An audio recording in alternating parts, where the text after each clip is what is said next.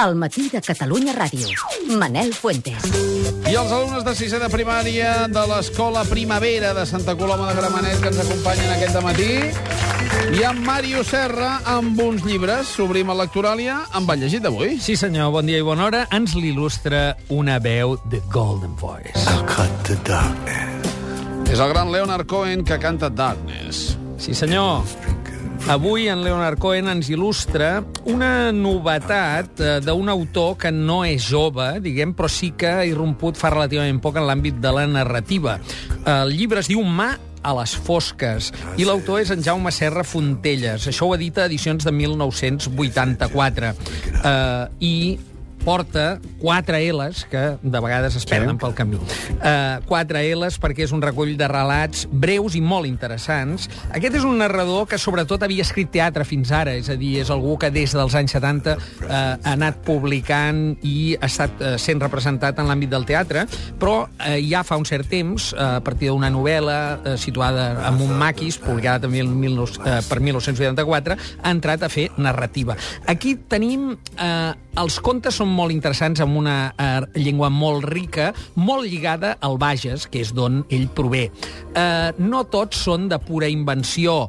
Uh, hi ha un, especialment, que jo crec que mereix una lectura més detinguda, en l'any Espriu, que, que ens omplim la boca i que, i que estem tot l'any aquí parlant-ne, que és justament la crònica d'un viatge que ell va fer amb Salvador Espriu quan en Jaume Serra tenia 21 anys, va fer un eh, curtmetratge basat en l'obra d'Espriu i el van anar a presentar a Manresa.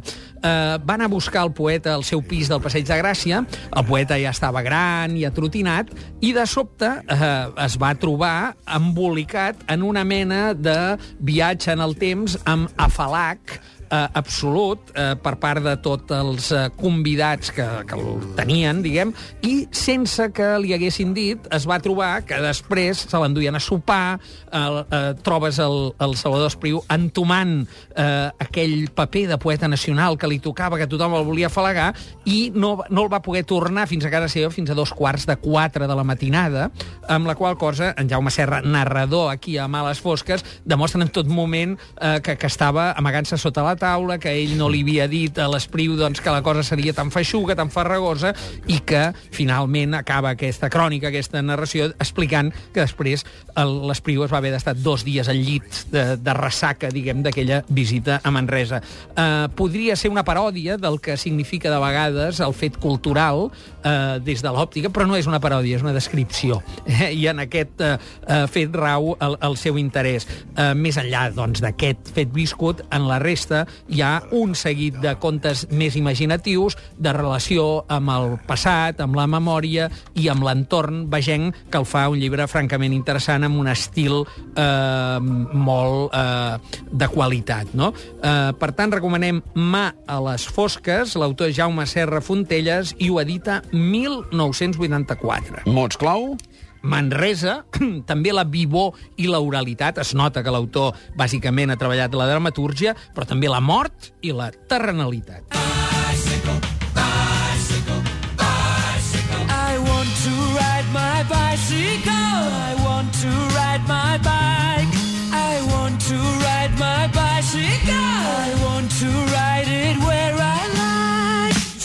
Queen, Bicycle Race. Sí, senyor, això és per il·lustrar un llibre que surt del forn. De fet, es presenta a Madrid aquest dissabte a la Fira del Llibre de Madrid, que es diu 10 bicicletes per a 30 sonàmbulos. Eh, són diversos els autors i ho edita l'editorial Demi Peix, que és una editorial, diguem, eh, emergent, una mica indi, una mica jove. Aquí què ens trobem? Doncs és una antologia de contes, però són contes d'encàrrec. L'encàrrec a aquests 30 autors, alguns dels noms Deu ser dels quals... de, de mi paix, no? Eh, va, clar, jo li diria Demi Peix i ells eh, d'estar a la Paix, no? Vols dir? No, però O què? de mi potser és de... De francès, de sí. francès de clar, mi paix. clar, jo, jo potser, ho he eh? anglificat. No ho sé, eh? Sí, sí, jo he vist pa- Page i he dit Page.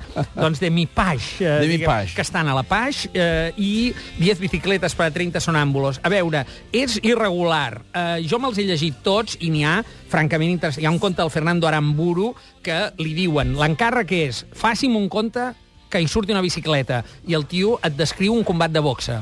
Ah, i Però- una bicicleta? Però resulta que és una boxa en un món en el qual els boxadors es foten garrotades amb una bicicleta. Cadascun d'ells eh, s'empenyen, és una lluita de boxadors en bicicleta. I vaig pensar, mira, està bé, està bé, diguem, per eh, intentar esquivar l'encàrrec, no? Perquè el Sí, problema... jo en tenia un de boxadors i m'és igual, demana'm el que vulguis. ja te, te la fotré, no? Uh, bé, uh, uh, per exemple, el Santiago Aucerón, que és un dels autors, sí. també fa un conte mm, dramatúrgic, diguem, amb la Catherine François, em sembla que deu dir François, jo potser com a anglès no, tal diria qual. Francois directament, però, però la, eh, la Catherine François i l'Auceron fan eh, com un diàleg entre la roda grossa d'un velocípede i la roda petita. Ah, eh? que maco. I llavors és, la roda grossa li explica unes coses, l'altra he de dir que és un conte molt filosòfic i, per tant, molt especulatiu, eh, però com a divertimento està bé. En definitiva, que un seguit d'autors, entre els quals el Lu- Luis Eduardo Aute o, per exemple, l'Agustín Fernández Mallo, eh, eh, eh, han fet mm, eh, cas dels de Mi Paix i els hi han fet un conte en el qual surt una bicicleta.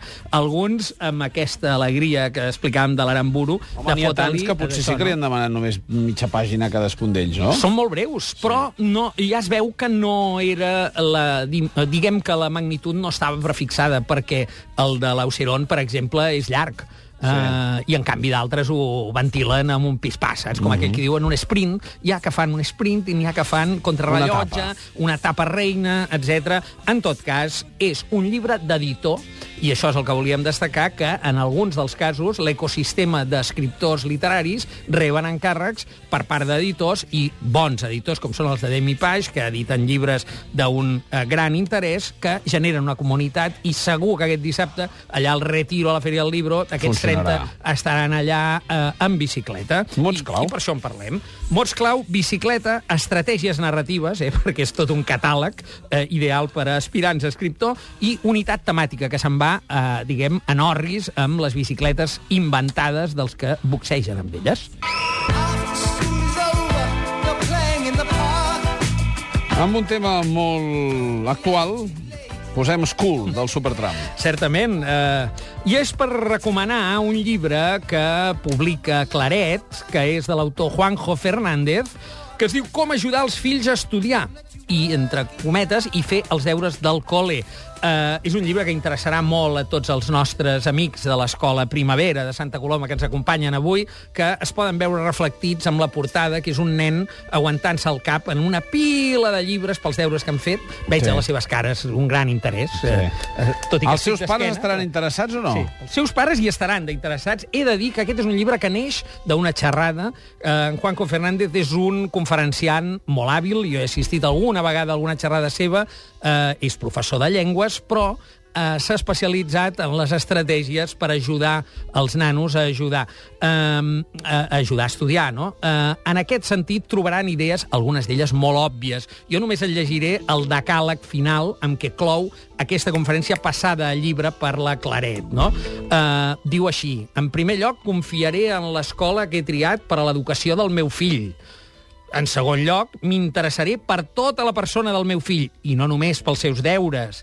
En tercer lloc, consideraré l'estudi un procés valuós per al coneixement, la realització personal i la preparació per al futur. Pots veure tot unes coses molt, diguem, de sentit comú. En quart lloc, em recordaré que no són els meus deures ni els meus exàmens. És el meu fill i són els seus deures i els seus exàmens. En cinquè lloc, seré constant en l'aplicació d'un programa d'estudi, però renunciaré a imposar els meus mètodes si els del meu fill són eficaços. En sisè, ajudaré el meu fill en tot allò que ell no pugui fer per ell mateix, procurant que aprengui en el procés i així vagi esdevenint més autònom. En setè lloc, recordaré que jo vaig cometre errors, que de vegades sóc incoherent i que tinc una història pròpia en relació amb l'estudi. En vuitè, seré conscient del poder del reforç positiu. En novè, demanaré ajuda sempre que la necessiti i l'acceptaré quan me l'ofereixin. I en desè i últim lloc, creuré en la força de l'estimació pel meu fill. Això, que com pots veure té molt a veure amb el sentit comú, està articulat des d'una conferència, ara a través de Claret passa un llibre, en aquest eh, llibre d'autoajuda, podríem dir, per a pares amb problemes, com ajudar els fills a estudiar i fer els deures del col·le. Màrius, moltíssimes gràcies. A tu. Una petita pausa i tornem de seguida. A reveure.